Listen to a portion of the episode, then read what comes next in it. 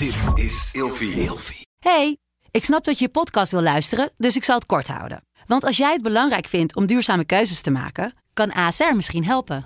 Nou hoor ik je denken, hoe dan? Nou, bijvoorbeeld bij het duurzaam herstellen van schade. Of de premies die we beleggen volgens ons duurzaam beleggingsbeleid. Dat bepaalt waar we wel en juist niet in investeren. Wil je meer weten over welke duurzame keuzes ASR maakt? Ga dan naar asr.nl slash duurzame keuzes. ASR doet het. Zo, dan kan je nu lekker naar je podcast luisteren. in, inzetten doen, erachter komen dat, dat het handig is om eh, materialen te gaan, eh, eh, gaan hebben. Zelf materialen maken. De- denken dat je een auto kan stoppen door zeg maar een, een, een, daar op te vuren. Uit, erachter komen dat dat niet is en toch de verdachtes kwijtraken. Naar een schietbaan gaan en kijken, maar, ja, maar hoe dan wel? Panzerdoorborende munitie. Eh, Oké, dan gaan we dat gebruiken. Werkte ook niet. Weet je wel, dus, dus we hebben echt, het was met elkaar een ontdekkingsreis tussen heel veel inzetten en ook heel veel dingen uitproberen om maar die boef, zeker boeven, te, te pakken en te stoppen.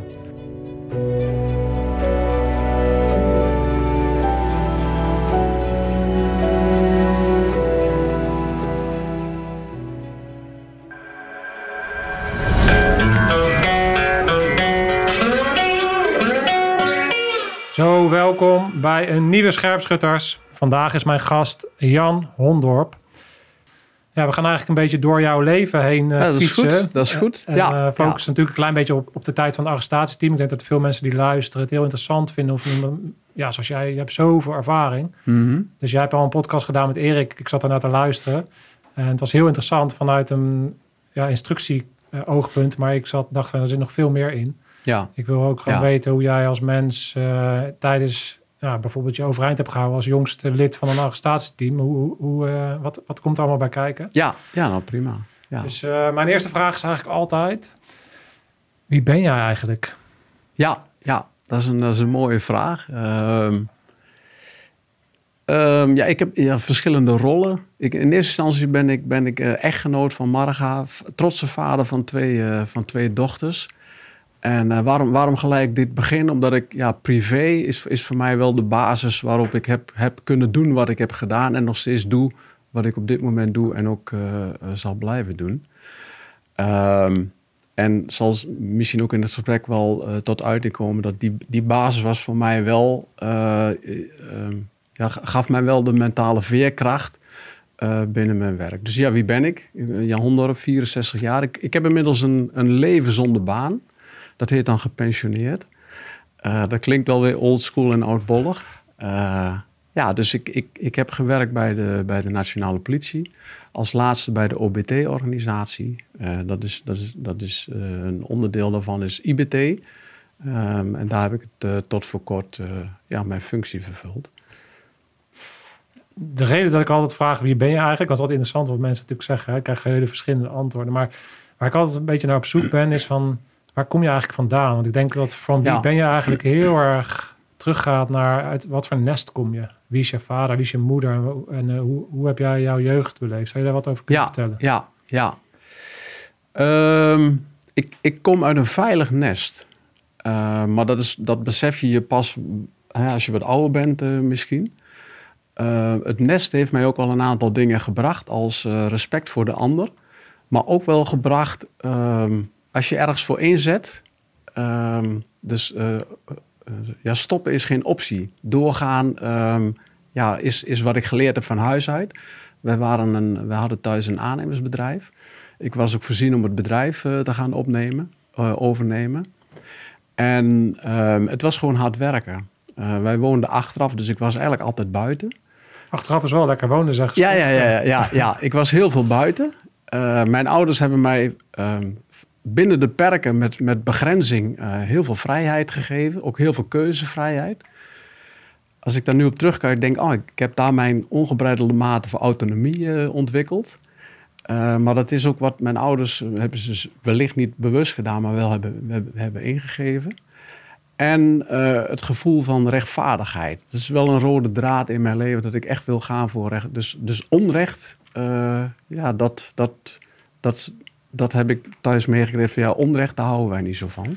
zo interessant, want ik krijg dat natuurlijk vaker mee. Ik denk dat heel veel mensen die gaan dienen, of nou bij politie of defensie is, wel een gevoel van rechtvaardigheid heel erg belangrijk vinden. Ik hoor vaak ehm, dat het voort kan komen vanuit een onveilige hechting. Mhm. Uh, bijvoorbeeld Ronaldo, die heeft ook nu last van PTSS en heeft, allerlei, heeft, heeft Ja, een jeugd dat heel onstabiel was. Maar ik kan er zoveel voorbeelden bedenken van mensen die wat minder stabiele jeugd hebben gehad, die ook heel erg die zoek hebben gehad naar rechtvaardigheid, omdat natuurlijk soms dan je gevoeliger wordt voor de dingen die er gebeuren. Is- ik vind het interessant dat jij zegt van, dat het vanuit een stabiele basis, eh, dat dat gevoel van rechtvaardigheid zo in het gezin zat. Heb je een idee waar dat vandaan komt? Ehm, nou, misschien ook wel, maar daar, kan ik alleen maar naar gissen. Ehm, kijk, als je een zaak hebt, dan is een afspraak een afspraak. Als een afspraak niet wordt nagekomen, en dat, dat kan soms zeg, het, het niet betalen van rekeningen eh, zijn, ja, dan, dan, eh, dan gaat het ten koste van het gezin. Dus, dus ja, vanuit zakelijk oogpunt, dan vind je daar iets van. Dus dan, dan begrens je zeg maar, het gedrag van de ander. Ehm, en misschien zijn dat wel aspecten die ik al heel snel heb meegekregen van afspraken maken eh, is ook afspraken nakomen. En betekent ook eh, dat als je ze niet nakomt, dat dat consequenties eh, heeft. En ja, dat waren gesprekken bij ons aan de keukentafel. Ehm, en niet, niet zozeer eh, opvoedingsaspecten, maar wel die ik heb meegekregen. Ja, ja, interessant. En als je nou eens naar je vader en je moeder kijkt, wat is denk ik de belangrijkste waarde die je van je vader hebt meegekregen en de belangrijkste wa- waarde die je van je moeder hebt meegekregen? Als je, daar- als je het zou kunnen samenvatten naar één of twee dingetjes. Van mijn vader, maar ook van mijn moeder wel eh, toch wel onverzettelijkheid. Dus als, als je eh, ergens voor gaat, ehm, dan wil dat niet zeggen dat je het bereikt. Eh, maar, maar niks doen is dan geen optie. Dus als je met jezelf de afspraak maakt van... goh, ik ga me hier hard voor maken... wil nog niet zeggen dat je een resultaat boekt. Maar dan kun je in ieder geval terugkijken en denken... ik heb er alles aan gegeven. We hebben er alles voor gedaan. Vanuit zakelijk oogpunt betekent dat ook risico's nemen. Hè? Maar er dan wel helemaal voor gaan. En dan eh, jezelf niks kunnen verwijten. Dus dat heb ik van beiden wel meegekregen. Ehm, de, de begrenzing wel van mijn moeder. Mijn moeder was een hele slimme vrouw, maar die al heel vroeg moest werken om, om eh, zeg maar haar, haar eigen vader en moeder te onderhouden. Eh, dus dan ga je met heel veel intelligentie ga je naar een fabriek. Ehm, maar die daar toch, ik, ja, ik, ik, ik heb altijd gedacht van nou, dat is al een vakbondsleidster eh, in haar. Dus ook wel strijden tegen autoriteit en tegen macht. In plaats van tegen gezaghebbende mensen. Want dat, daar vind ik toch wel een verschil in zitten. Dus Ja. dat heb ik wel van haar meegekregen. Ehm, ja, en liefdevol. Ja, hard werken, liefdevol, eerlijk, oprecht. Ehm, veel ruimte, maar ook, ook wel keihard begrenzen. Ja. Kan je eens concreet een voorbeeld eh, noemen dat je denkt, oh ja, da- daar heb ik echt even een lesje meegekregen van, eh, van dat, je dat je wel ergens hard voor moet werken vanuit je opvoeding? Nou, ik moest heel ver fietsen naar school. En, eh, en dat heeft dan niks met opvoeding te maken. Maar, maar ik zei van ja, god, kan ik geen buskaart krijgen? En nou, dat, dat, dat zat er gewoon niet in. En als ik dan weer thuis kom en ik had het koud en zo, zei mijn dan ga je toch gewoon lopen, dan word je warmer. Nou, dan was het daarmee einde discussie. En ik ervoer dat nooit als, ehm, als hard, maar wel een wijze levensles van ja, weet je, dit is wat het is. En ga maar om met de omstandigheden die er zijn. En ja, dit is, dit is de fiets. En nou, dus een band leren plakken en zo voor jezelf zorgen. En ehm, ja, opkomen voor jezelf. Dat, dat, dat werd al gauw meegegeven. En ik heb daar nooit een opvoedkundige lijn in kunnen ontdekken. Maar zo was, ja, zo was het toen. Ja. Ja, Ja, dat is natuurlijk als je, als je nu gaat, als we nu een stapje voorwaarts gaan nemen, je gaat, gaat dan richting, eh, op een gegeven moment is er, ben je om een bepaalde reden naar de politie gegaan. ja. Misschien kan je even uitleggen waarom je bij de politie bent gegaan. Ik ben benieuwd dan hoe dit soort waarden uiteindelijk jou eh, hebben gediend tijdens jouw eh, loopbaan. Ja, ja je, je ziet me al een beetje lachen. Ehm, dat, dat ik naar de politie ging was geen roeping. Soms wat je, kom je mensen tegen waarvan je denkt van... oh, dat is wel een rolmodel voor mij. Politie was voor mij geen rolmodel. Ik had wat, wat mindere ervaringen met, eh, met de politie. Was je, Eh, was je stout geweest? Ja, ja, ja, ja, ja, ja, ja. Ja. En, daken eh, geklommen? ja, of, nou, en ook en, en de wijkagent die nam mij mee. En ik, op, op- in die tijd werd je dan niet opgesloten en kreeg je ook geen taakstraf. Maar ehm, ja, kon je de cel van binnen zien. En, ehm, en dacht ik van, nou, mijn vader speelt onder een hoedje met, uh, met de toenmalige uh, groepscommandant daar. Dus ik, wij, wij, hadden, wij hadden echt geen, geen rolmodel. Ik denk van, nou, dat wil ik. Alleen op een gegeven moment zit je wel aan de keukentafel met elkaar van, goh, wat gaan we met het bedrijf doen? En in die periode had je, had je een televisiegids en ik heb daar twee bonnetjes uitgeknipt. Eentje voor het Corps Mariniers en eentje voor de politie. Toch een foute uh, keuze gemaakt dan? Ja, ja, ja, ja, ja, ja, ja, ja. Dat is allemaal goed gekomen. Ja, ja. En uh, nou, die van de politie was het eerste. En een paar weken later kwam er iemand een helder. Uh, die, die, die kwam als tweede voor een kennismakingsgesprek. Alleen ik zat toen al in de briefwisseling met de politie. En ik ben naar Hilversum gegaan, gaan testen. En dan op een gegeven moment ja, kon ik de stap naar de politieorganisatie maken. Uh, en ben ik daar gewoon ja, blind ingestapt. En voor ik het wist zat ik op de politieschool. Een bekend gezegde is, met boeven vang je boeven. Dat is ook wel iets wat we zeggen. Zou je daar eens op willen reflecteren vanuit jouw uh, situatie? En hoe, wat betekent dat eigenlijk? Ja, ik heb dat wel gemerkt op de politieschool. Het was, uh, ik vond dat lastig. Het, het was ook niet uh, echt, echt mijn wereld. Ik was, ik was ja, zeg maar een, iemand in een uniform wat mij nog niet helemaal paste. Ik zat ook in de klas met mensen die, die hun vader was bij de politie of een oom was bij de politie. Ik had dat helemaal niet. Um, maar goed, dan komt weer de opvoeding komt, uh, om de hoek kijken. Waar je aan begint, maak je gewoon af. Dus ik heb die, die school afgemaakt en ik, heb, ik heb, ben daar wel tegen mezelf aangelopen. Later heb ik, heb ik gemerkt dat ik wat moeite heb met autoritair gedrag vanuit leiding. In plaats van op basis van respect. Uh, en competentie. En competenties. Hè. Dus ik heb daar best wel wat conflicten gehad op uh, die school. Is ook allemaal maar net goed gegaan. Uh, maar dan helpt toch weer de opvoeding van wat je, wat je begint, maak je ook af. En, en zo ben ik zeg maar uh, de, de opleiding uh, doorlopen. En ja, misschien wel als een boefje, ik zou het niet weten. Um, maar dat, dat, dat, daar liep ik wel een paar keer tegen mezelf aan. Ja. Ik, heb, ik heb daar zelf eens op gereflecteerd. En wat ik denk dat, dat het voor mij betekent, is dat in, de, in het gezegde van bijvoorbeeld bij een AT, hè, met boeven vang je boeven betekent niet dat een boef in deze zin crimineel is. Dat is wat anders. Maar een boef is wel iemand die heel erg goed snapt dat er een grijs gebied is. Ja. En dat, dat, dat, dat je soms bepaalde ja, dingen moet opbuigen om een bepaald doel te bereiken. In oorlog bestaat er geen zwart-wit. Nee. Er zijn regels en je moet je ook aan regels houden. Maar, maar je moet wel heel goed boven het spel staan. En heel goed snappen wat de hele dynamiek is van het volledige speelveld. Waardoor je soms ja, daarin moet kunnen. Ja, ja, ja, ja, ja, ja, snap ik, snap ik. En, en ja, dus ik heb die opleiding uh, doorlopen, dat was in 1976. Als ik erover nadenk, denk ja, dat is best wel lang uh, geleden. En, uh, ja, en, en in 77 stond ik in één keer met een politiepak aan, ja, politieman te zijn in het zuiden van Nederland. Kijk, ik herken het heel erg. Ik heb uiteindelijk ook uh, eigenlijk op hetzelfde moment gestaan. Hè. Dus politie, Corps Mariniers. Ik heb wel de goede keuze gemaakt.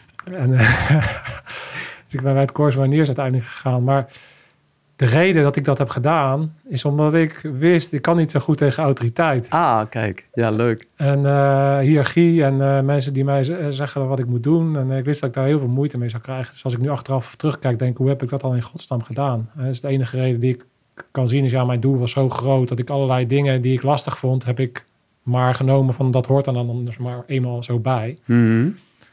Maar ik ben wel benieuwd hoe jij dus uh, op een gegeven moment met die politiepet op straat stond voor het eerst. En met toch met de manier waarop jij dan bent, hoe, hoe, uh, hoe was dat voor jou om bonnen uit te gaan schrijven en met de vinger te moeten wijzen?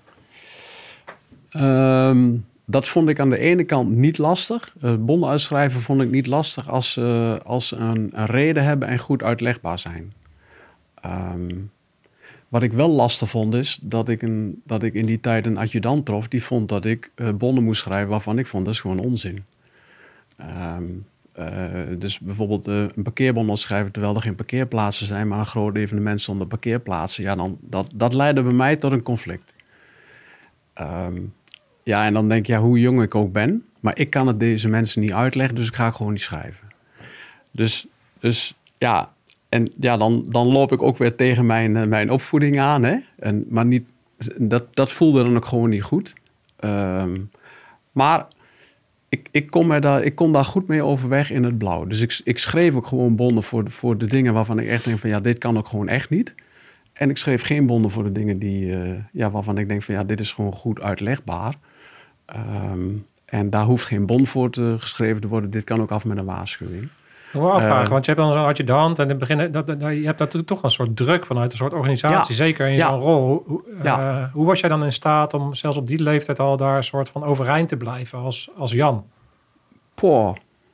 Um, door, wel het gesprek aan te blijven gaan. Hè, met, want een adjudant was eigenlijk in die tijd een grootheid. Hè. Dat was de baas van, van de politie in, in een toch groot... Dan praat je soms over gemeentes van 25.000 mensen.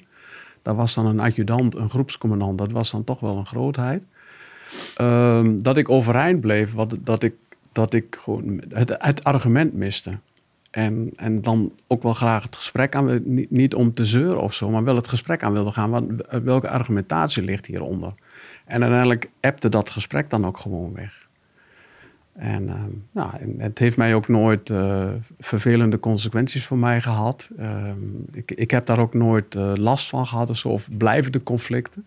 Maar ik ben wel het gesprek iedere keer aangegaan. Hoe, hoe, doe, je, hoe doe je dat? Hoe, hoe, hoe kan je eens heel concreet worden? Van hoe, hoe, ga je, hoe ga jij een gesprek aan waarop je eigenlijk dus al weet dat er weerstand zit?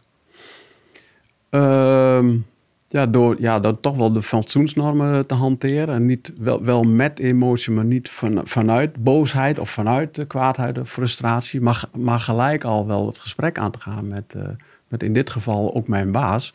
Van goh, ja, weet je, um, wij moeten hier nu schrijven. Ik voel me daar niet goed bij, want er is geen parkeerplaats. Dus, dus wat, wat je van mij vraagt, kan ik gewoon niet doen. Want ik heb geen argument wat ik, wat ik op straat kan gebruiken om het uit te leggen waarom we dit doen. Ja, en, en ontstond er altijd wel iets als een gesprek. Ja, ik, ik kon niet in een auto stappen met een bonnenboekje en gewoon uh, uh, bonnetjes achter eruit te doen. Dus ik, ik, ik stapte daar dan wel naartoe. nou, mooi. Ja, dat is denk ik uh, leerzaam. Maar zeker als je, ik kan me voorstellen als je jonger bent. En ik krijg die vragen namelijk ook veel hè, van mensen van ja, hoe, hoe, blijf ik toch dicht bij mezelf? Dus je, ergens wist jij dus al best wel goed van, uh, misschien toen nog onbewust, maar wat je waarden zijn en, en, en ja. fatsoennormen en communicatie en toch dan daarvoor gaan. Ja, ik, ik, weet je, dat is wijsheid achteraf, hè, maar ik, ik vond dat ik het moest kunnen uitleggen. Ja. Uh, voor mezelf, maar ook naar de maatschappij dan, om het even heel groot te maken. Ja, nou, ik denk dat het belangrijk is, dat hoor ik ook veel van mensen vaak weten mensen het wel dat het niet goed voelt, maar dan acteren ze er niet op. Dus je mm voelt in je onderbuik eigenlijk van dit wringt. Ja. Als je dat gevoel te vaak negeert, uh, dus niet het gesprek aangaat, dan komen mensen in problemen. Dus ik denk dat het een hele waardevolle les is. Van als jij dus voelt van hé, hey, hier klopt iets niet. Ja. Ga het gesprek aan met jezelf en vervolgens met ook, ook het gesprek aandurven met je baas. Ja, ja, ja, ja, dat. Hey, wanneer is bij jou het besef gekomen van... hé, hey, ik wil meer. Want je, hoe word je in godsnaam de jongste AT'er ooit? Ja, um, even terug in mijn herinnering. Ik werd lid van een... Van een in, in mijn gedragingen, zeg maar, op zo'n zo'n zo'n in zo'n stad was het destijds. Uh, als politieman voelde ik wel van, ik, ik weet niet of het dit is. Want je hebt toch ook in die tijd al te maken met heel veel sociale problematiek maar ook wel dingen die actie uh, met zich meebrengen. Alleen de verhouding was toen ook al wel veel sociale problematiek. En ik vond mij daar zelf toen nog te jong voor. Alleen, ja, wat dan wel? Um, ik maakte toen kennis met, uh, met John Mestrine, die helaas uh, overleden is. Um, en John en ik zaten bij de, bij de ME, bij de mobiele eenheid. We zaten bij de deur, um, want dan ben je als eerste buiten. En John was para, kikker en commando geweest. Nou, ik ken zijn naam ook wel. Ja, Dat is een, uh, een, marinier dan. Ja, ja, ja. ja, ja Commando. En ja, als je praat over rolmodellen of uh, mensen bij wie ik, uh, met wie ik in gesprek raakte en, en een, een referentiekader had van, goh, hoe, hoe, hoe, hoe gaat hij daarmee om? was hij wel de eerste waarvan ik dacht van, ja, volgens mij heb ik ergens een boot gemist. En heeft hij een boot gehad waar ik op wil zitten. Ik zeg toch, je hebt een verkeerde bonnetje ja, ja, ja, ja, ja, ja, ja, Dus en hij, hij vertelde helemaal niet veel. Maar hij was voor mij ook een voorbeeld van uh, fit voor de job. John sportte heel veel. Zorg dat hij altijd fit was en zo. En ja, dat, ik, ik miste dat wel een beetje uh, in mijn omgeving. Uh, want je wordt, wordt, toch zo nu en dan voor situaties uh, gezet waar je niet in voldoende mate bent toegerust. Maar daar kun je zelf hartstikke veel aan doen uh, om je toe te rusten. En ik vond John daar echt een voorbeeld dat ik dacht van, want hij was een stuk ouder dan mij. En ik dacht van, hoe, hoe, hoe doet hij dat en waarom doet hij En zo raakten wij met elkaar in gesprek. En op een gegeven moment um, had je in de 70 jaren de, de RAF, de Rode Armee-fractie. Daar waren veel terroristische aanslagen, gijzelingen met dodelijke afloop. Uh, en, en er broeide iets in Nederland. Wat moeten wij als politie in Nederland? Want we kunnen niet overal defensie daarvoor inzetten. En we kwamen in gesprek over, we hadden gehoord van een op te richten arrestatieteam. En dat zou dan een fulltime job worden. En we zaten zo, zoals wij nu tegenover elkaar zaten, zo in die bus. Ja, zou dat wat voor ons? Ja, we gaan het gewoon doen. We gaan, ja, waar, waar moet je dan een brief naartoe schrijven? Dus nou ja, uh, we zijn gewoon uh, gaan zoeken en wij vonden wat namen en zo, brieven geschreven. En zo, en zo, zo is die bal gaan rollen. En zowel hij als ik zijn toen uh, in de AT-opleiding gekomen. Ja, mooi. Dat is echt die, echt die pionierstijd. Ja. Want één net week uh, commandant, uh, tactisch commandant ben geweest, is ook opgericht. Uh, de WBE kijk. heette dat toen, bijzondere Ja. bijstandseenheid, wat Ja. defensie is. En daar, ja, ik ken ook natuurlijk alle verhalen van die mensen die in, in die pionierstijd, weet Ja. je wel, met de Franse ambassade. Ja, Hoe ze, nou ja, die, hoe dat. ze allemaal dat ontwikkeld hebben. Ik heb er altijd met, ja, met heel veel plezier naar geluisterd, naar die verhalen. Denk ik, wauw, wauw, ja, weet je, als je nu kijkt naar die gasten in Utrecht met al die mooie spullen en eh, mooie auto's en dingen. Ja, Toen was het allemaal nog natuurlijk uitvogelen en met, met alles aan elkaar knopen. Maar Ja. een beetje de dingen Ja. doen. Maar wel met... met ja maar, maar wel met dezelfde mindset. En volgens mij verschilt Zo. dat niet van nu. Hè? Nee, De mindset precies hetzelfde. precies. Alleen de tijd was anders en de spullen waren anders. Ja, Ja. ja dat klopt. Dus, dus zo is het toen begonnen. Ja, en ik weet nog wel dat eh, ik, ik ging de opleiding in.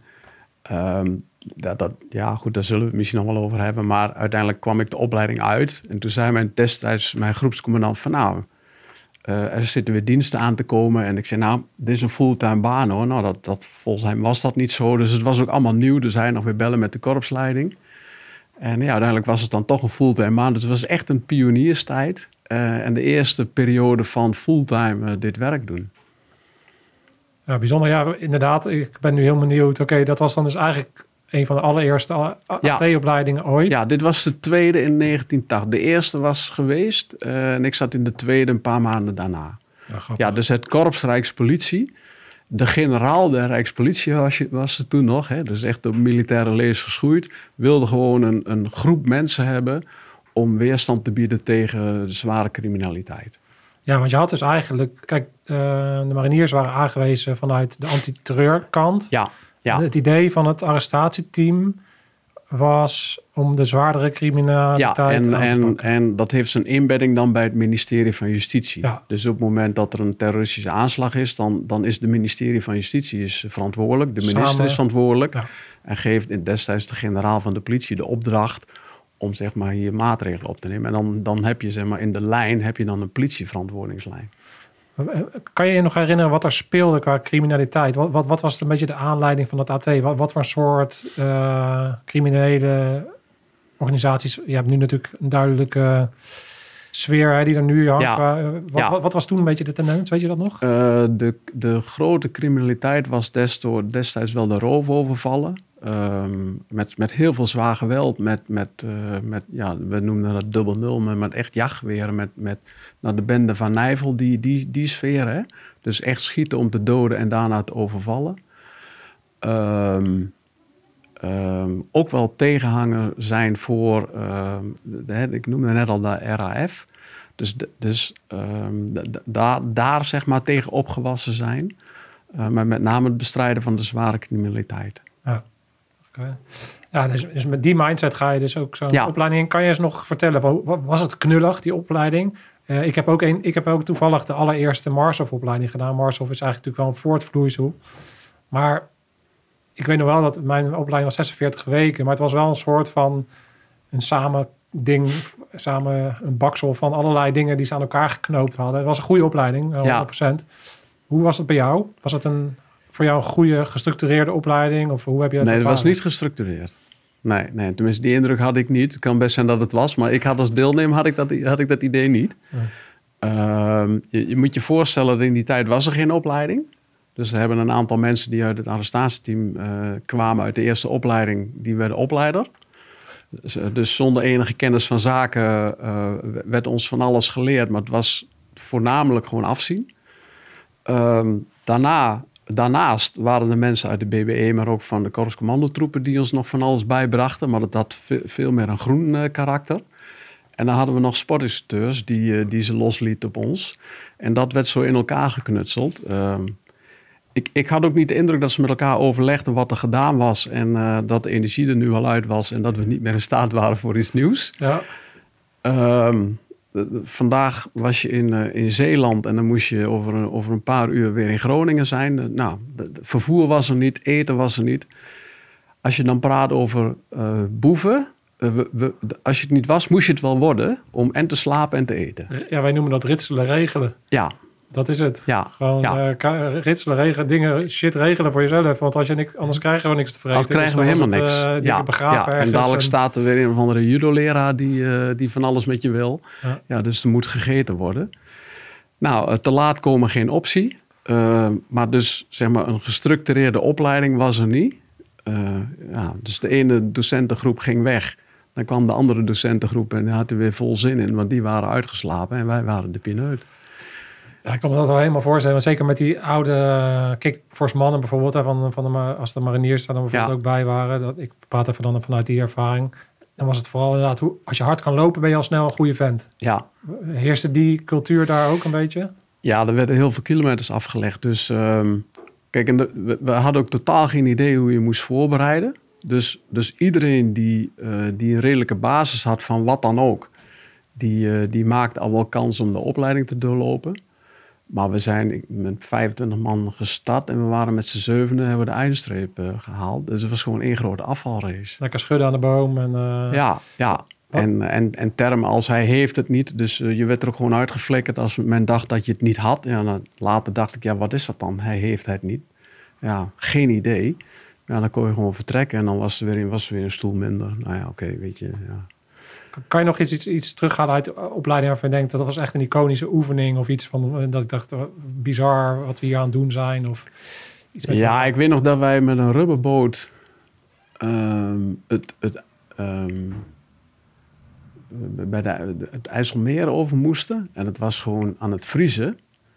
Dat ik al bij mezelf dacht, dit kan gewoon helemaal niet. Nou ja. Dus we beginnen gewoon te pennen. Maar dat was Kan- gewoon echt... kan dat- kennen we niet. Nee, ja, maar dat was gewoon echt gevaarlijk. En ik had ook niet de indruk dat er enige eh, voorzorgsmaatregelen werden genomen of waren genomen voor het, voor het verdrinken of onderkoelen of zo. Dus we hebben daar wel even in de boot, want inmiddels waren, waren er nog maar weinig mensen over. eh, dat we tegen me, ja, nu moeten we echt even goed voor onszelf gaan zorgen, want eh, iedereen om ons heen heeft het niet gedaan. Ja, ja, dat was echt link. Dus dat kan ik mij wel, wel goed herinneren. En denken van ja, dit is wel een grens wat je met mensen mag doen. Het is wel interessant dat jij, ik moet dan meteen maar denken aan, oké, hoe sta je dan op tegen een baas als je ehm, voor het eerst op straat staat? En dat heb je uitgelegd. Ik heb zelf ook wel eens in een opleiding gezeten bij de Franse legionairs, waarbij ik ook op een gegeven moment heb moeten zeggen van, maar hier, maar ga, hier gaan we de grens over. Ja, Maar toen had ik al best wel veel ervaring. ja, Ik, ik vraag me wel eens af van als ik daar in die opleiding, er zaten ook allemaal jongens bij die dat eigenlijk allemaal lieten gebeuren. Dat ik denk, ja, maar dit zit gewoon tegen martelingen aan. Dit, dit zijn Ja. spelletjes, er gebeuren Ja. dingen die niet kunnen. ja, Er worden veiligheidsmaatregelen genomen waarvan ik denk, ja, mijn net afnemen in een, in een zwaar malariagebied als sanctie omdat je een bepaalde tijd niet haalt.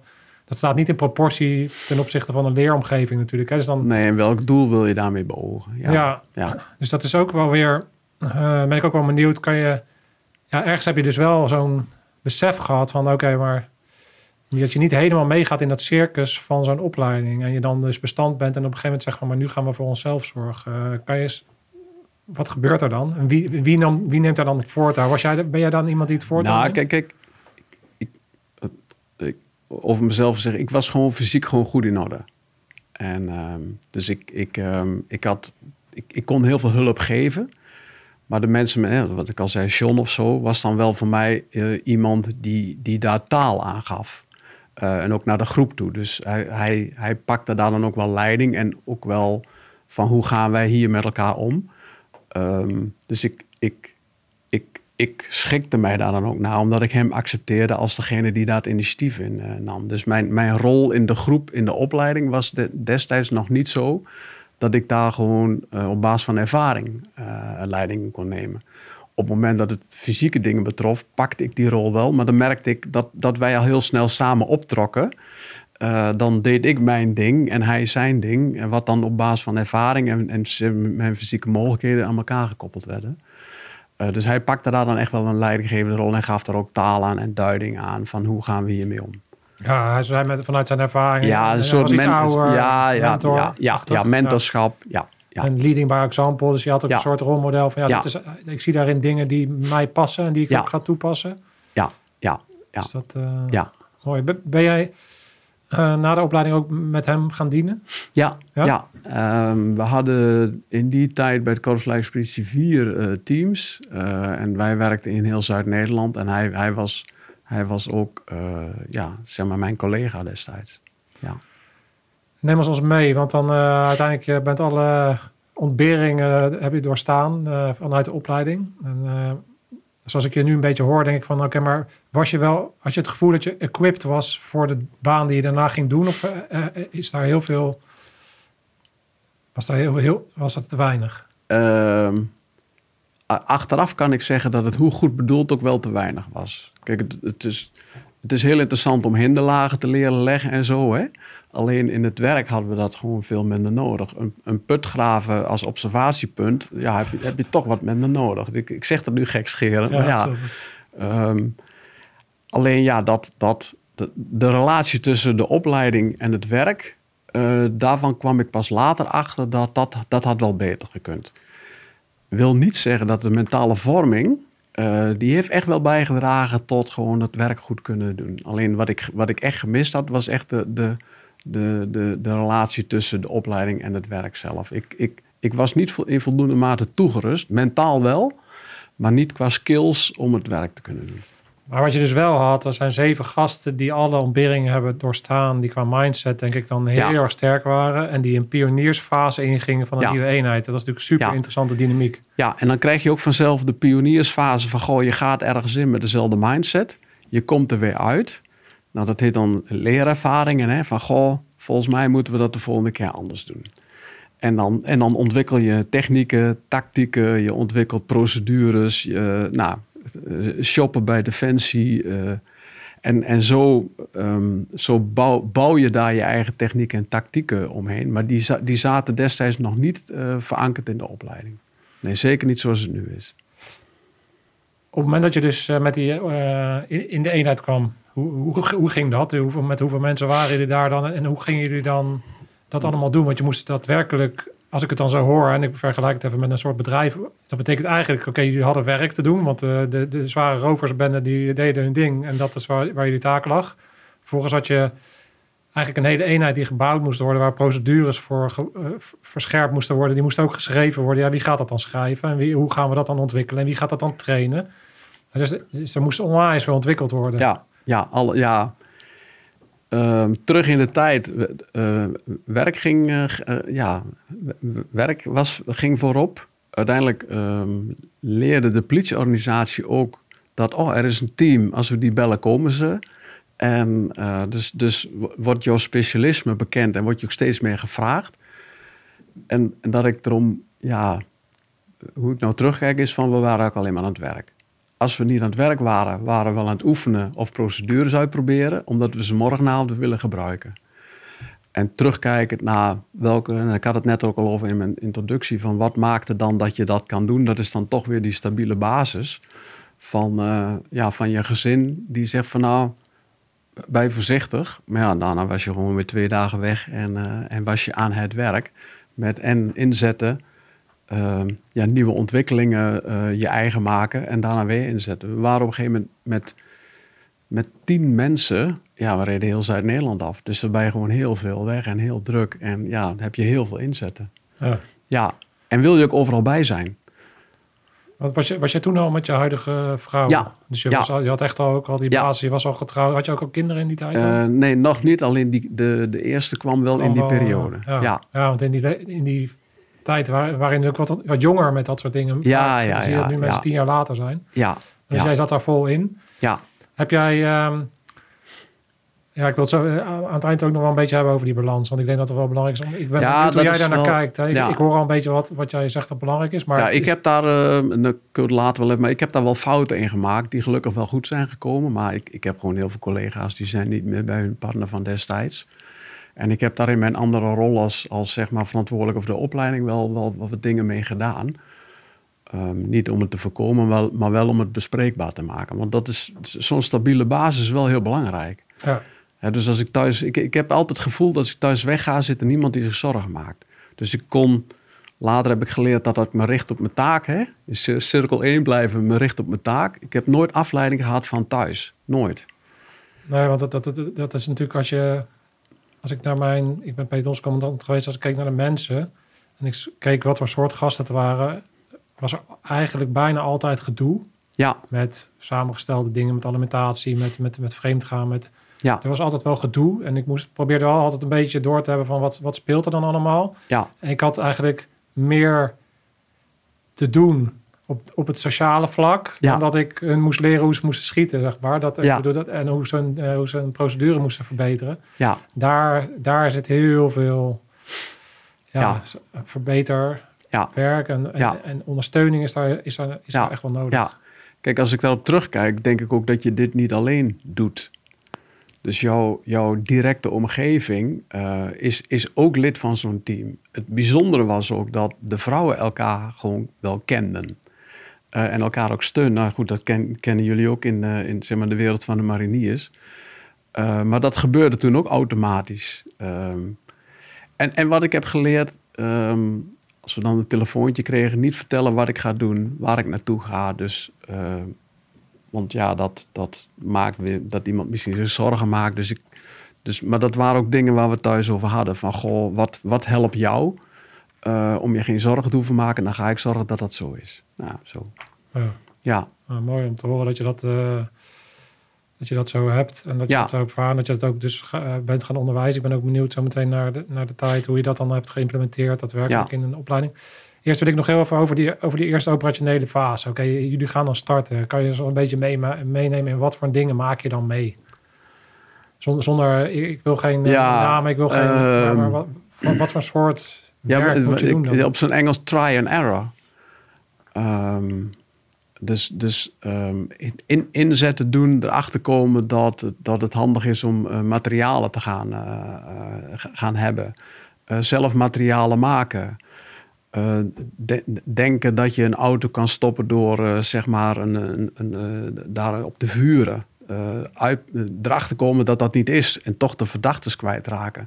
Naar een schietbaan gaan en kijken, maar, ja, maar hoe dan wel? Panzerdeborende munitie. Eh, Oké, dan gaan we dat gebruiken. Werkte ook niet. Weet je wel, dus, dus we hebben echt, het was met elkaar een ontdekkingsreis tussen heel veel inzetten en ook heel veel dingen uitproberen om maar die boef, zeker boeven, te, te pakken en te stoppen. Dat is natuurlijk heel gaaf, omdat natuurlijk misschien wel mensen luisteren die naar een AT gaan of bij een AT zitten. En dan weet je, de autoprocedure die iedereen kent en eh, hoeveel daar eigenlijk aan vooraf is gegaan.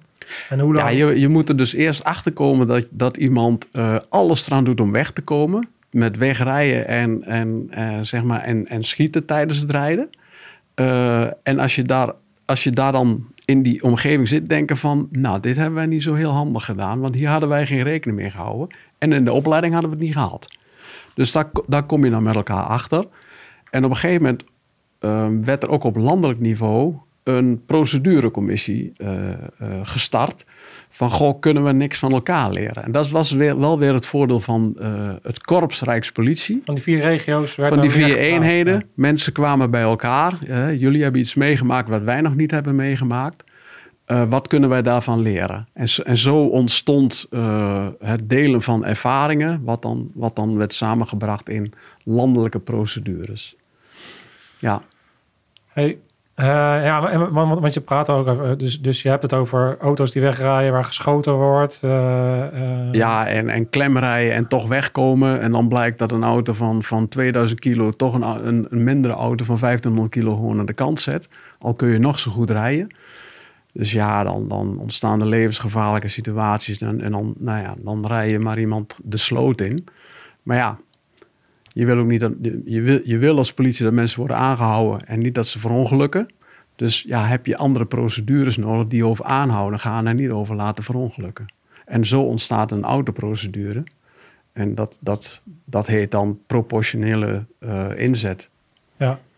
Nou, je ziet dat stuk, een auto is natuurlijk heel interessant. Zeker ook bijvoorbeeld bij de Apple Store is natuurlijk heel interessant om te zien van hey, er wordt dus ineens een voertuig als een geweldsmiddel ingezet. Ja. En dan ineens van, oh, zit iedereen van, oh, maar mag dat eigenlijk wel? Ja. En ja. er is hier jurisprudentie over waarbij dat misschien niet mag. Dus is het in dit geval wel gerechtig geweest. Maar het gaat er dus juist om dat je dus gasten hebt, zoals jij en jullie, ja. die zo out of the box kunnen denken, die kunnen schakelen en kunnen, dat hij op dat moment heeft besloten, ja, maar ik, ik, ik moet nu deze kans pakken. Want als die onze ring doorrent met een wapen, wat kan er dan gebeuren? Dus dan Ja. kies je voor. Dus het is heel onconventioneel eigenlijk wat je, wat je nu. Ja, kijk, er zit natuurlijk altijd wel eh, eh, commandovoering aan ten grondslag, hè, maar ook wel de juridische kaders waarbinnen je mag optreden. Ehm, dus het, ehm, het, het doel is altijd aanhouden. Eh, maar, maar afgezet tegen het feit wat mensen hebben gepleegd of wellicht nog gaan plegen, heb je wat meer juridische mogelijkheden. Maar, maar het mensen bewust laten verongelukken is natuurlijk wel een grens. Dus vandaar dat je dan toch op zoek gaat naar een proportionele manier. En, en kom je tijdens eh, ja, autoprocedures erachter dat je dan ja, anders te werk moet gaan dan dat we gedacht hadden. En dat was echt experimenteren Ja. eh, in het werk. Hadden jullie, want tegenwoordig is het natuurlijk normaal, eh, als je kijkt naar breachen bijvoorbeeld, ook zo'n ding wat natuurlijk heel erg ontwikkeld is. Hè? Dus Mhm. het binnenkomen van eh, woningen en zo. Ja, Ah, jullie hebben natuurlijk ook van alles moeten uitzoeken over explosieven. en, alles, eh, alles. Ja, Was, was, er was nog helemaal niks. Nee, nee, nee. Ik weet nog dat ik zelf naar... Want eerst was het deuren inlopen. We hadden een collega van twee meter. Nou, die liep gewoon naar binnen. Dat is gewoon en een dan, bonk. dan, Levende dan, bonk. liepen we, dan, ging, dan lag hij op, binnen en dan konden wij door. Ehm, maar ja, dat werkt op een gegeven moment ook niet meer. Dus ik weet nog dat ik zelf naar een smid ben gegaan. En, en nou, die, die nam ik dan redelijk in vertrouwen en gevraagd van... Goh, kun je eens even meedenken? Nou, dan heb je iets waar je mee kan werken. Eh, dat werkt soms wel, maar als de deur naar bui- buiten open gaat, dan werkt het weer niet. Dus dan, en, en zo zijn we op. En dan, dan ga je eens naar het buitenland of via de, de Corps Mariniers. Eh, eh, ja, mechanische middelen. En, en alles in het werk uitgeprobeerd. Ehm, kijk, uiteindelijk kom je altijd binnen. Alleen, ehm, ja, de verrassing is dan weg, de snelheid is dan weg, dus dat wil je dan ook weer niet. Eh, en dat was een constante zoektocht. Wat mooi was, iedereen had dezelfde mindset. Dus als wij samen een actie hadden gedaan en we hadden geen goed gevoel met betrekking tot de snelheid, dan, dan wi- wist ik bijna zeker dat jij in je eigen tijd ook op zoek ging naar een betere oplossing. En ik ook. En dat, dat maakte dat we wel met z'n allen altijd op zoek waren naar ja, perfectie. Ja, Ja, ja. dat is wel grappig, want ik krijg dan altijd, eh, ja, je bent altijd ontevreden. Maar er zit altijd een bepaalde mate van ontevredenheid in, omdat je altijd kijkt naar acties. En altijd denkt van, maar wat hadden we nou nog beter kunnen doen? Ja. Het is niet dat het dan natuurlijk altijd helemaal slecht gaat. Maar er is Nee. altijd wel iets te bedenken. Ja.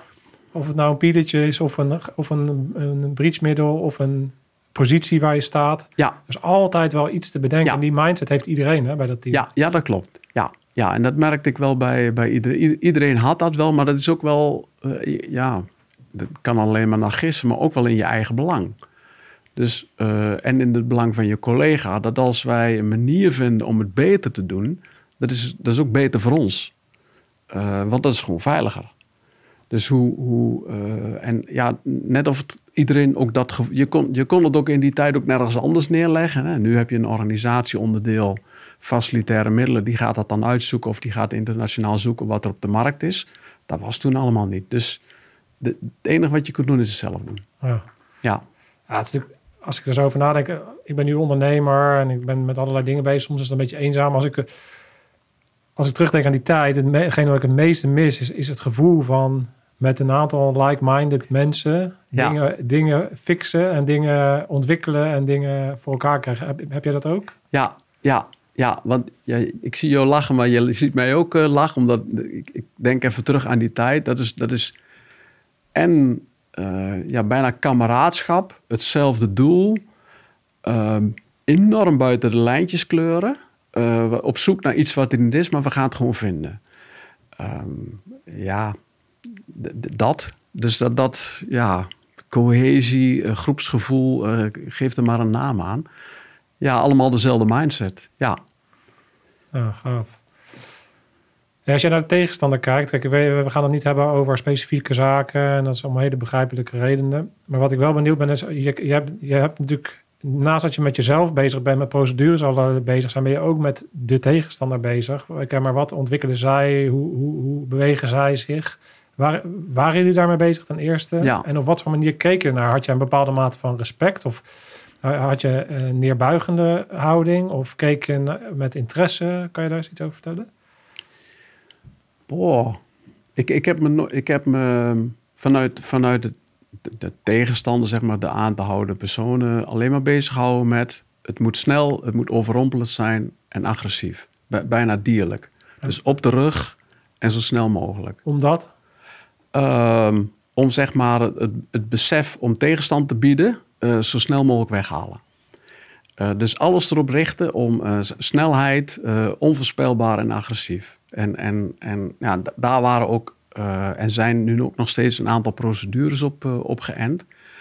En dus heb ik me ook nooit zoveel bezig gehouden met de tegenstander, maar meer van dit is de manier waarop we, de- waarop we het gaan aanpakken. Ehm, ja, Ja. ja. Ja, dus, eh, dus gewoon heel erg gefocust op, Ja, op, op, het, ja. op hetgene wat je, Ja. het effect eigenlijk wat je moet hebben Ja, en daar ja, mogelijk dit effect willen we resulteren. Zo, zo gaan we het werk. eh, dit, dit is de mindset die daarbij hoort. En dan reageert de tegenstander op ons. Dan hoeven wij niet op de tegenstander te reageren. Als jij eens terug reflecteert op je... Hoe lang heb je bij het AT echt operationeel gezeten? Tien jaar, ja, tien, elf jaar. En daarna ben ik naar de politieacademie gegaan. Als je eens op die tijd eh, terugkijkt, wat is, kan je eens één of twee dingen terughalen die voor jou het meest memorabele zijn geweest? Boah. Ja, dat zijn algemeenheden. Eh, algemeenheden in de zin van eh, kameraadschap. algemeenheden in de zin van met z'n allen een gezamenlijk doel nastreven. Met z'n allen ook spanningsvolle situaties doorleven. Ehm, met z'n allen, maar ik zelf ook erachter komen dat macho gedrag eh, laat maar zitten. Want eh, het gaat erom dat je met je angst leert omgaan. Maar zeggen dat je niet bang bent, dat het ook weer onzin is. Dus benoem het maar gewoon. Eh, maar laat het je niet in de weg staan. Weet je, daar hadden we ook heel volwassen gesprekken over. Ehm, ja, dat, dat, dat, dat soort algemeenheden. En dat is wel interessant. Als je, ik kan me voorstellen, zeker in die tijd, dat de, de politie en de mensen om jullie heen waar jullie mee werkten naar jullie keken. Ja, En het eerste woord wat bij hun op zou komen is macho. ja, En met wat jij net zegt, is, er zijn eigenlijk dingen natuurlijk. eh, Dus, dus, maar intern heb je natuurlijk ehm, eigenlijk hele kwetsbare gesprekken. Niet kwetsbaar in de zin van dat Nee. je met een tissue eh, zit, en om, maar, maar je gaat wel tot een bepaald niveau. Kan je daar eens wat meer op uitweiden van hoe, maar hoe werkt dat dan? tussen, zo, Ehm. tussen voor de buitenwereld macho mannen, hoe werkt dat? Ehm, nou, ik, ik heb me dat wel gerealiseerd. Kijk, als je op een bureau aankomt en je komt met een grote auto en je legt al je uitrusting eh, neer en je, je, je, je, je gaat aan de slag, dan, dan heeft dat een bepaald. Dan krijgt dat een imago. Maar ik, ik doe dat niet. Want ik ben, ik ben zo niet. Ik, heb alleen die spullen nodig en die auto die helpt mij om mijn werk eh, te doen. Ehm, en wij hebben ons ook altijd eh, op, een, op bureaus of waar we kwamen ook altijd gedragen als collega's. En niet meer of minder als eh, de collega's die in het blauw werken. Want ik vind nu nog steeds dat blauwe collega's meer gevaar lopen dan wij met onze opleidingen en wij met onze spullen. Ook, dat vond ik destijds ook. Dus vond ik ook niet dat ik mij zo moest gedragen naar hun. Maar wij hadden toevallig, of ik had dan toevallig een specialisme en, en andere en betere spullen. Dan doen wij dat werk, maar met heel veel respect toch nog steeds naar die collega's toe. Alleen wanneer hun eh, of collega's daar een macho karakter aan hangen, ja, dat, dat, daar kan ik dan ook niks aan doen. Maar dat gebeurt. Dat is Ja, een reactie van anderen. ja, dat is de reactie van de ander. Maar intern voelden we dat zelf zo niet. En, en- en Nee. hoe, hoe werkt dat dan intern? Hè, als dat jullie op een gegeven moment dus eh, bewust van waren, laat dat macho gedrag maar thuis. Hoe, hoe werkt dat dan? Hoe, hoe, hoe ga je dan met elkaar om? Ehm, om, om elkaar daar ook wel op aan te spreken. Maar ik, ik kan me ook niet, geen situaties eh, be- nog herinneren dat dat gebeurde. Omdat iedereen wel, kijk, als je ergens staat en, en je weet, wij hopen dat dit echt goed gaat, hè, dat we allemaal gezond weer thuiskomen.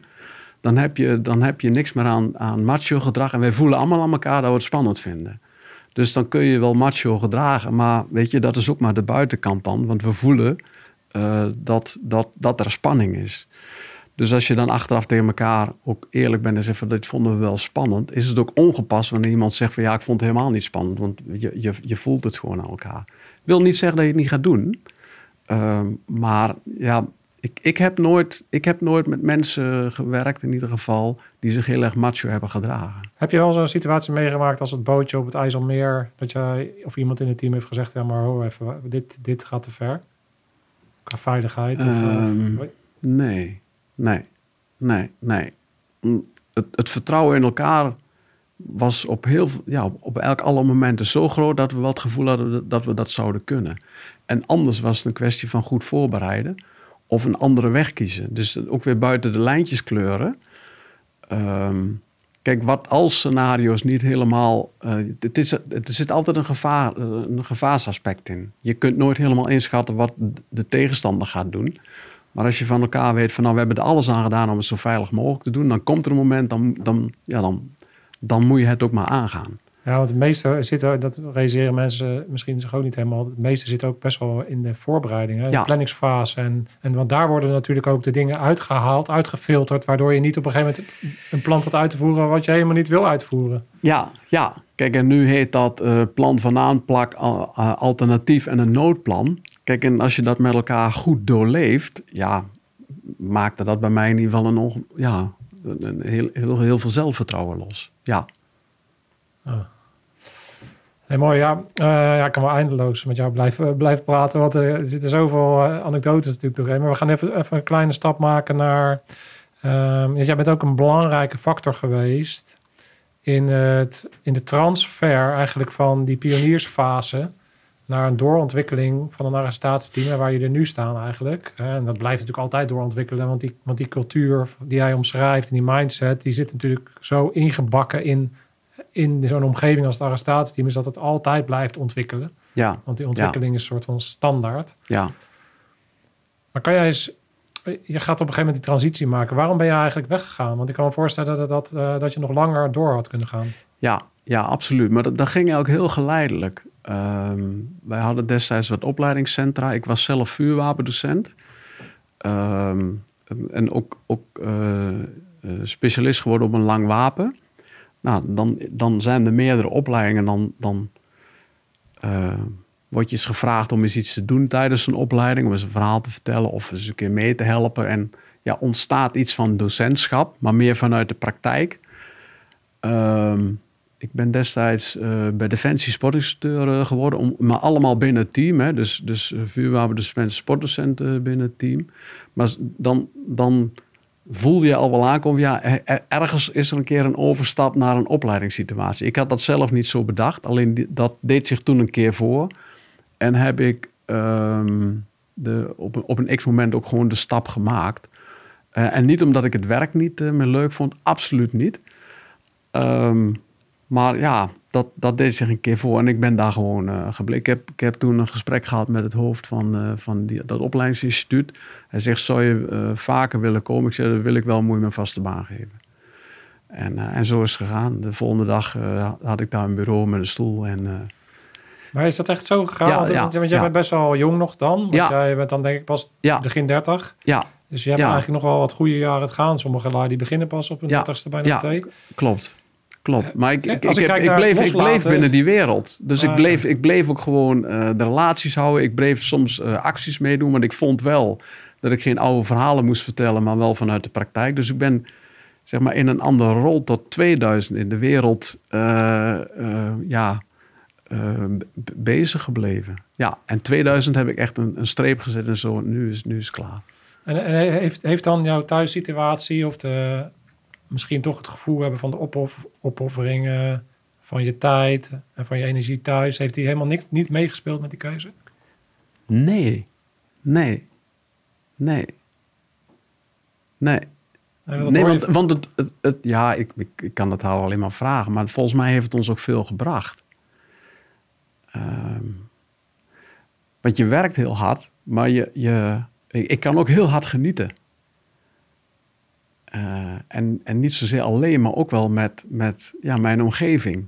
Dus die, die, die, ik ben ook nooit thuisgekomen met een vervelend verhaal over mijn werk. Nooit. Dus, dus ja, dan denk ik van ja, misschien is dat ook wel de balans die dan heel gezond is. ja, dat je vrouw toch zoiets heeft gehad. Ja, als die er is, Ja, heb, heb ik het gewoon goed en is het gezellig. ja is en mijn vrouw heeft, heeft en had haar bezigheden.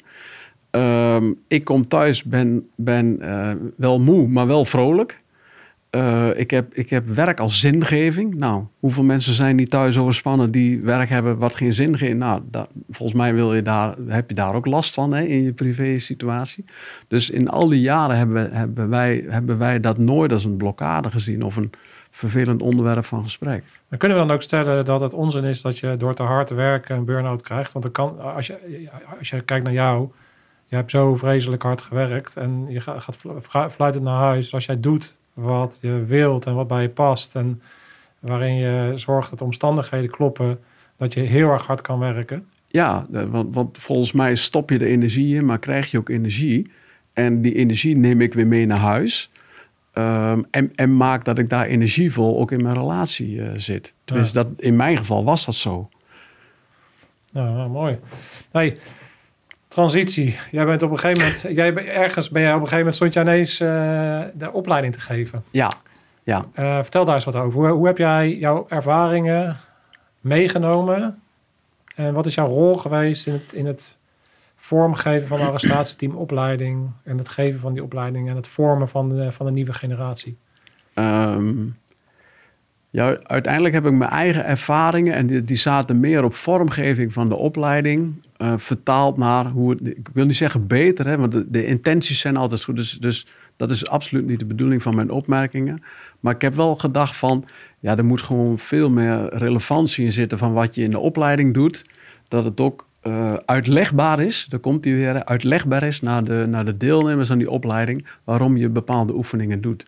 En dan mag het, mag het heel zwaar zijn, eh, maar toch uitlegbaar waarom het dan zwaar is. Dus ik heb altijd naar de uitlegbaarheid eh, gezocht van, eh, van, van alle elementen in de opleiding. Een andere input was wel. ehm, de opleiding waar ik in zat was heel erg op de groep gericht. Terwijl ik zelf merkte dat in, in welke rol dan ook binnen het AT moet je zelfstandig beslissingen nemen. Of je hebt een leidinggevende rol, dan neem je beslissingen. Maar ook als jij ergens staat waarvan je denkt, ja, ik, kan nu, ik, ik moet nu iets doen. Dus ik heb, ik heb heel veel beslissingen genomen die, die, waarvan ik denk van ja, dat, dat, je hebt ook assertiviteit nodig als, eh, als jongste teamlid om een beslissing te durven nemen. Ik denk van ja, maar hoe stimuleer ik dat nu binnen de opleiding? Hoe stimuleer ik nu buiten de lijntjeskleur en laat ik het dan maar even assertiviteit eh, noemen? Ehm, en, en daar mensen ook voor belonen. Dus dat, dat betekent dat ze niet kunnen opgaan in een groep, maar, maar ze uit de groep halen en ze zelfstandig voor een probleem eh, zetten. En dat heb ik heel erg eh, in de opleiding gebracht. Dus ehm, mensen zelf beslissingen aan te nemen, verantwoordelijkheid nemen voor die beslissing, Ehm, maar ook de gevolgen daarvan. Maar ook als het een goede beslissing is geweest, eh, daar, ook, daar ook zeg maar de credits eh, voor geven. Omdat je in het werk ook soms voor een hele moeilijke beslissing staat. En je niet kunt vragen aan iemand: goh, wat, wat zullen we nu gaan doen? Nu, nu besluiten. Nou, en, en dat, noem het maar, iets individueler maken van de opleiding was wel een van de transities die ik eh, destijds heb doorgevoerd. Ja, het is wel, hoe, hoe kom jij tot... Ik vind het interessant, hè, want als je bij ons ook kijkt hè, vanuit de infanterie, de stap naar SF, zit diezelfde dynamiek in. Je kan Ja. heel erg Ver- verschuilen in de groep. binnen Ik, de groep. Ik had daar last van. eh, van mensen die verscholen in de groep. Ik ben daar op mijn manier in de opleiding eh, mee om. Maar ik had geen zin meer om het luid te slepen die uiteindelijk niet meer wilden. En, ehm, maar die, die, nou, wij, wij hebben in onze eigen opleiding hebben we daar een vorm in gevonden dat ze dan de opleiding niet volgden. Maar toen ik zelf verantwoordelijk werd, dacht ik van ja, er kunnen dus mensen doorkomen die, die met hulp van anderen door de opleiding komen. Maar dat zijn niet de mensen die we willen hebben. We willen mensen hebben die verantwoordelijkheid nemen, assertief zijn, beslissingen nemen op het juiste moment en niet altijd, altijd kunnen leunen op een ander. Nou, en, en dat, dat onderdeel maken van de opleiding. Ja. Is dat gelukt? Ja, ja, ja, ja. Dat is zeker gelukt. Dat, begon al, uh, dat is begonnen al in de intesten. Dus in de intesten al mensen uh, individuele opdrachten geven. Met, uh, en die ook uitvoerbaar waren. En dan ook aangeven, weet je, het, um, ook aangeven wanneer het gewoon goed is. Ik, ik vind ook dat als iemand het goed doet, zeg dan ook gewoon dat hij het goed gedaan heeft. Hè? Um, en als iemand het niet goed doet en shit bakt, dan doet hij het gewoon overnieuw. Weet je, dus daar, dat heb ik in mijn opleiding ook wel gemist. Hè, dat um, uiteindelijk wist je, ja, we moeten het toch nog een keer overnieuw doen. En we waren waarschijnlijk binnen de tijd. En bij mij was, kwam dan het gevoel van onrecht. Dan denk ik van ja, ik, ik, ik doe nu iets omdat jij dat wil, maar niet omdat we niet binnen de tijd waren. Ik vind dat je daar eerlijk over moet zijn. Als jij de 10 kilometer moet lopen binnen 50 minuten, en dat is een haalbare tijd, krijg je van mij een horloge. Dan kun je zelf zien hoe, of het 50 minuten is. En als je het gehaald hebt, is het klaar. Ja. Goed gedaan. Ja, ja enige wat ik wel eens heb met dingen niet uitleggen... is dat, de, dat hetgene wat je, ze wil, wat je wil testen anders kan zijn. Als je geen tijd geeft over uh, bijvoorbeeld uh, uh, het halen van bepaalde punten... Ja. Dan is het doel misschien anders. Dan is het doel van, ja. oké, maar gaan ze dan zo hard als ze kunnen? Ja. ja. Want ze weten niet hoe hard ze moeten gaan, dus ze gaan gewoon zo hard als ze kunnen. En hoe hard is dat dan? Ja, ja dat maar dat, ook dat kun je van tevoren gewoon met, met, met, elkaar benoemen. En zeggen van, goh, weet je, dit, dit wordt een opdracht zonder einde. Bereid je daar maar op voor. En hoe lang het duurt, gaan we niet weten. Maar als je aangeeft van, nou, weet je, dit, dit is ook het einde. Ja. ja laat dat dan ook zo zijn. Want uiteindelijk... Um, ik, ik heb met mensen gewerkt die zo door de opleiding kwamen. En dat waren gewoon geen fijne collega's. Geen goede opleiders. Ja, ja en die, die zaten een half jaar in een team en die werden door het team gewoon eruit gekotst. En dan denk ik van ja, dat, dat is zonde van de investering. Ook zonde voor het team en ook gevaarlijk voor het team. Dus ik heb, ik, ik heb mijn steentje eraan bijgedragen om gewoon goede mensen uh, uh, ja, door de opleiding te krijgen die dat ook verdienden. Maar daar ook heel eerlijk tegen te zijn. Heb jij wel eens uh, dat je dan een uh, een training, een oefening neer hebt gezet en dat je wel, wel eens verrast bent door de onconventionele oplossing waarmee iemand kwam. Want ik kan me heel goed voorstellen, je bent natuurlijk op zoek dan naar mensen die dus een soort van, uh, ja, dus zelf die beslissing durven te nemen. Maar ben je wel eens verrast geraakt door een opleiding, door, door de beslissingen die dan iemand maakt in, die, in zo'n opleiding? Kan je wel eens... Um, nou, niet specifieke voorbeelden, maar wel, wel blij verrast van iemand die um, niet met een negatief karakter, maar wel uh, de, de, een, een weg vindt om toch zijn doel te bereiken. Um, uh, creatief daarin is. Dus dus uh, ja, we kunnen wel met z'n allen over een muur klimmen, maar als er een deur zit, voel even aan die deur of die open is, want we hoeven niet over die muur te klimmen. Maar als niemand, niemand op die manier is opgeleid, want er is gezegd we moeten over die muur klimmen, voel, voel even aan die kruk. Weet je zo. En, en ja, wel positief verrast dat mensen in ieder geval de ruimte voelden om dat te doen. En ik, ja, ik heb er ook absoluut gestimuleerd en nooit afgestraft. Omdat dat, dat kan net het verschil maken. Ja. Dat gedrag. Ja, dat is, dat is bijzonder. Zeker nou ja, de laatste tijd heb ik af en toe dat ik denk... van iedereen moet, wordt het een soort eenheidsworst. Iedereen moet hetzelfde denken. Ja, nee, iedereen, je moet nee. Er, ja, zonde. Het hetgene wat natuurlijk echt uh, de power maakt... Ja. in, in, een team die echt dingen voor elkaar krijgen. Of dat nou een AT is of een onderneming of... Ja, Kijk, juist... er is verschil tussen iets doen om uit te knijpen, hè? Um, om, dat, om dat, die taal maar eens te gebruiken, of, of um, met hetzelfde doel te kijken naar een andere oplossing. Ja. Zoiets, ja. Ja. Wat is voor jou, want je hebt dan, het is natuurlijk interessant van, oké, okay, je kijkt dus naar mensen, dus de individu is het allerbelangrijkste. Ja, het individu wat het moet wel de of, competentie of kunnen samenwerken. Ja, ja dus, maar je, maar je hebt ja. dus een individu nodig die aan de ene kant ja, dus assertief is, hè, be, be, besluitvaardig, uh, uh, een stap naar voren durft te doen. Uh, in de besef dan, ik, ik moet het nu doen en ik heb geen ruggespraak van een ander. Dus fouten durft te maken. Ja, ja.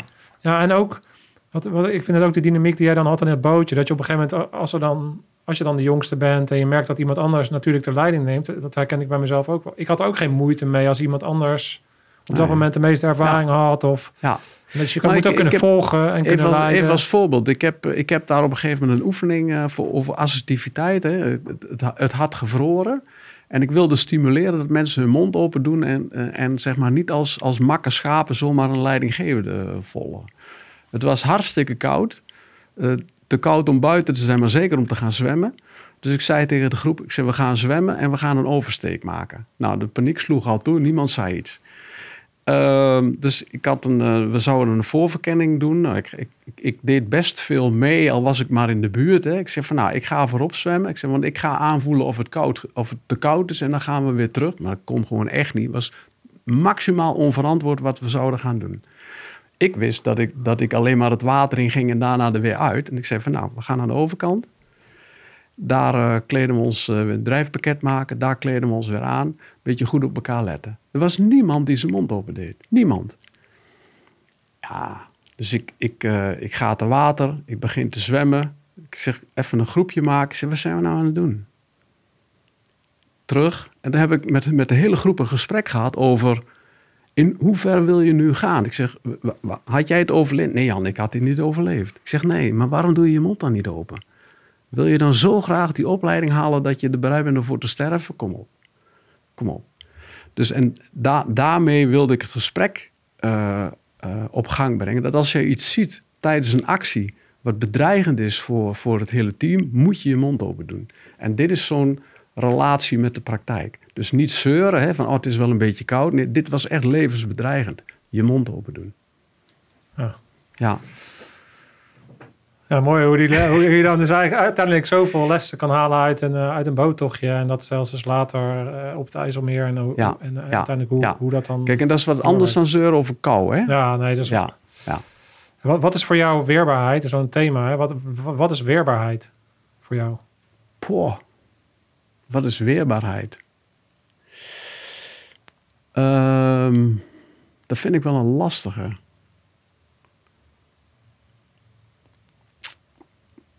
Waar, waar, waar, waar doel je op? In relatie tot het Nou, werk, in moet- relatie tot... Ja, gewoon. in- in- Ik vind het interessant om te kijken, want het is zo'n veelgenoemd ding. En ik hoor, Ja. ik hoor jou dingen, heel veel dingen vertellen. En ik vind het gewoon interessant van.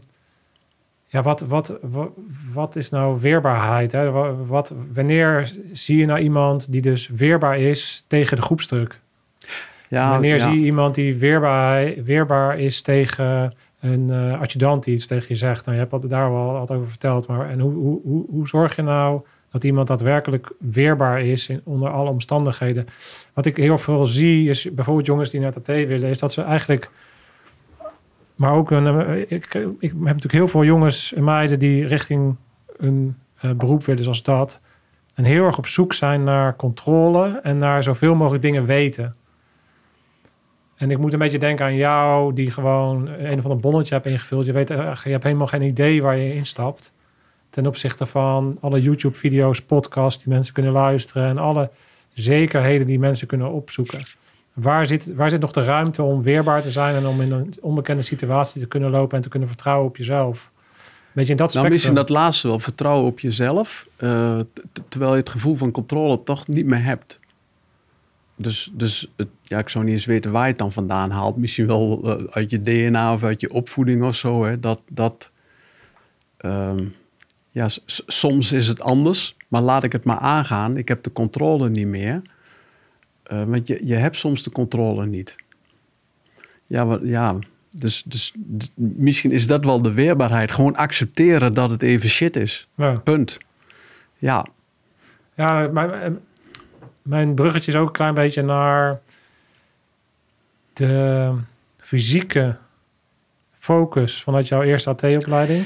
Naar natuurlijk de mentale component, die steeds belangrijker is geworden. Je ziet dat in de topsport, zie je dat, dat ze mental coaches hebben. Je ziet dat dat nu natuurlijk een soort van een, een, een thema is. Eh, in hoeverre zijn fysiek en mentaal los te koppelen van elkaar bijvoorbeeld? Eh, ik denk dat ik, zie- ik geloof in een veel holistischere view Ja. natuurlijk op dat, op dat geheel. ja. Kan je eens uitweiden over de transitie die jij hebt gezien dan vanuit een, begin arrestatieteam naar nu? ehm, en hoe de mentale factor daarin meer body heeft gekregen in de zin van hoe je er naar kijkt. Ehm, Kijk, ik heb, ik heb de mentale factor in mijn eigen opleiding gemist. Ehm, ik, ik, ik had, ik, kan alleen maar uh, praten over hoe ik het gedaan heb. Ik, ik denk dat je daarin kan groeien.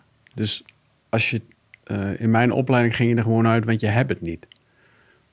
Maar er zijn mensen naar huis gestuurd waarvan ik denk, ja, met een beetje tekst en uitleg hoe het brein uh, werkt en waarom je dit nu op die manier aanpakt en misschien zo mentaal aanvliegt, was hij er nu nog geweest. Was misschien een goede man of vrouw gebleven.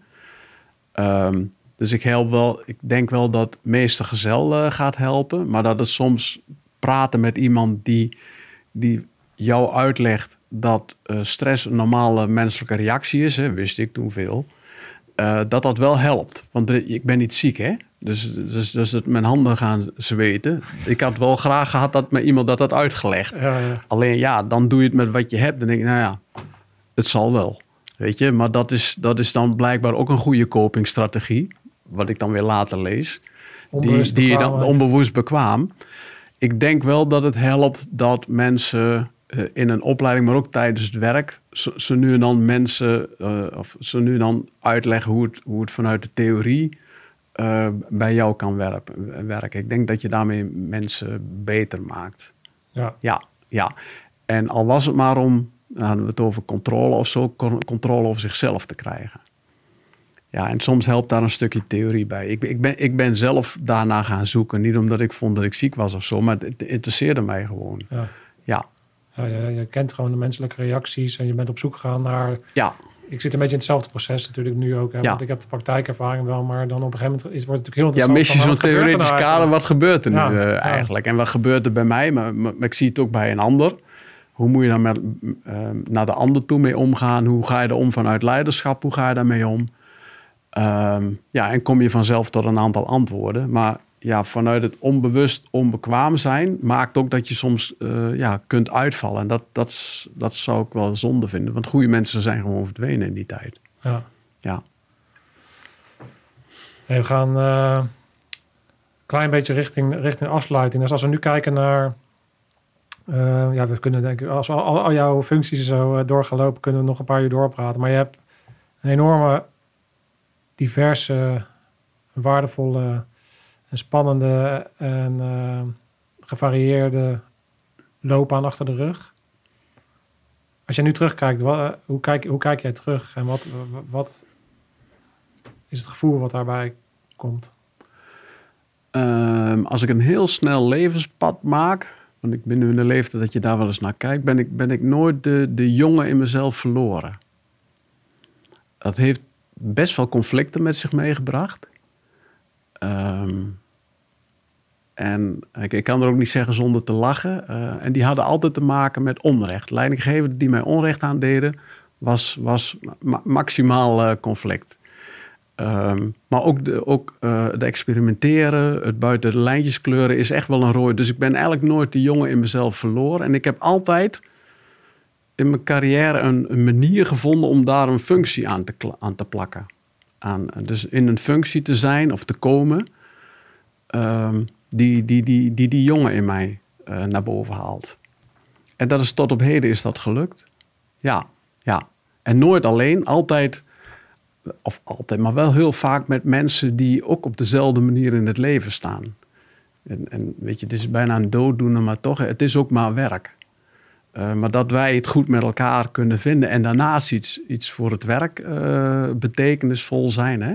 Ja, dat is, dan, dat is dan wel de chemie die, die ons bij elkaar houdt. Ja, ja, dus hoe ik daarop terugkijk, dat ik nooit die jongen ben verloren. Oh, mooi.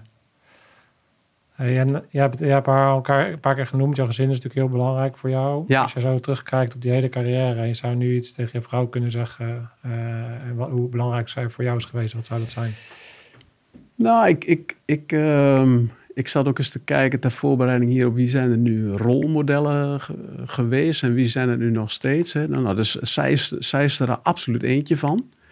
Dan kijk ik naar, uh, zij is van de zorg, is, is, heeft ze zich nu doorontwikkeld naar fotograaf. En ik van, nou, dan ga je ook even door een diep dal. Hè? Dus dan praten over een transitie van het een naar, naar het ander.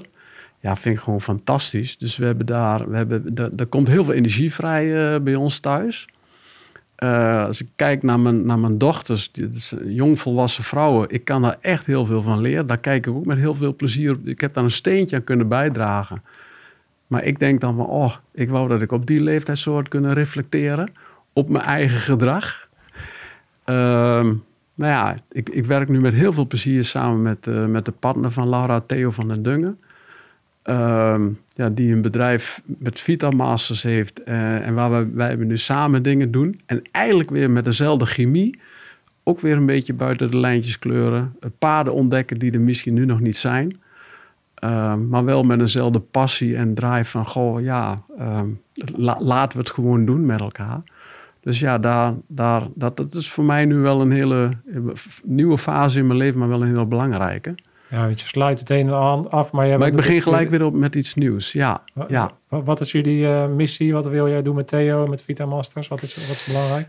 Um, nou, kijk, ik, ik kom uit de specialistische hoek. Uh, ik heb je al verteld dat ik vond dat blauw, uh, daar, daar zat wel mijn drive. Dat ik vond dat de blauwe collega's, daar heb ik me hard voor gemaakt om binnen het IBT-domein uh, veel te doen. Um, en ik, uh, ben nu bezig en, en, samen met Theo met Vital Masters om voor BOA's, bijzondere opsporingsambtenaren, met, met name in de domein handhaving, om daar ook betekenisvol te zijn. Uh, dit zijn mensen die uh, in onze maatschappij ook een stap naar voren moeten zetten. Ook omdat ze in uniform zijn en zeg maar, het gezag van onze maatschappij vertegenwoordigen. En ja, als ik mijn steentje kan bijdragen om deze mensen beter toe te rusten, en ik doe dat met heel veel plezier samen met Theo, uh, ja, dan, daar zijn we nu mee bezig. En we hebben daar goede resultaten nu inmiddels al. Uh, dus dat gaat, dat gaat goed. En uh, ik hoop dat ik dat nog lang kan doen. Ja, heel mooi dat je al die bak aan ervaring en al die energie die je nu nog hebt, dat je dat ja. dan op deze manier toch blijft teruggeven. Want ik denk dat daar nog gewoon heel veel behoefte aan is. Ja, ja, en, ja. Dat, daar wens ik heel veel succes mee en heel veel plezier ook weer mee. Ja. Hey, je laatste vraag. Als jij uh, over een jaar 50 op je sterfbed ligt en uh, je kijkt terug, wat, uh, waar ben je het meest dankbaar voor? Poh. Waar ben ik het meest dankbaar voor? voor, de, voor de mensen om mij heen die mij het jongetje hebben kunnen laten zijn. Dat begint dan in mijn opvoeding, mijn collega's. en als er dan niks meer overblijft het werk, is dan ook maar vluchtig, hè, dan, ja, dan, dan ben ik dankbaar voor de mensen die ik om me heen heb gehad. Um, en, en, en nog, nu nog steeds uh, heb. En ik hoop dat die er dan ook nog uh, zijn. En terugkijken op, op misschien iemand als ik, bij wie ze hebben kunnen tanken. Of bij, waar ze energie van hebben gekregen. En dat is ook wederkerig. Mooi. Jan, hartstikke bedankt. Ik heb met heel veel genot uh, naar je verhalen geluisterd. En ik weet zeker dat heel veel mensen met ons mee hebben geluisterd. Dus uh, ja, mooi om zo met jou terug te blikken op een hele bijzondere tijd. Een arrestatieteam vol in ontwikkeling. Ja. Alle avonturen die erbij komen kijken en uiteindelijk alle wijsheden die daarin terugkomen. Wat uiteindelijk weer op het eeuwenoude, ja, we hebben elkaar gewoon nodig om mooie dingen te ja. bouwen. En ja. een mooi leven te bouwen. Dus uh, heel erg bedankt. Ja, graag gedaan man. Top. Oké, okay, dat was hem uh, jongens, scherpschutters. Tot de volgende. Uit.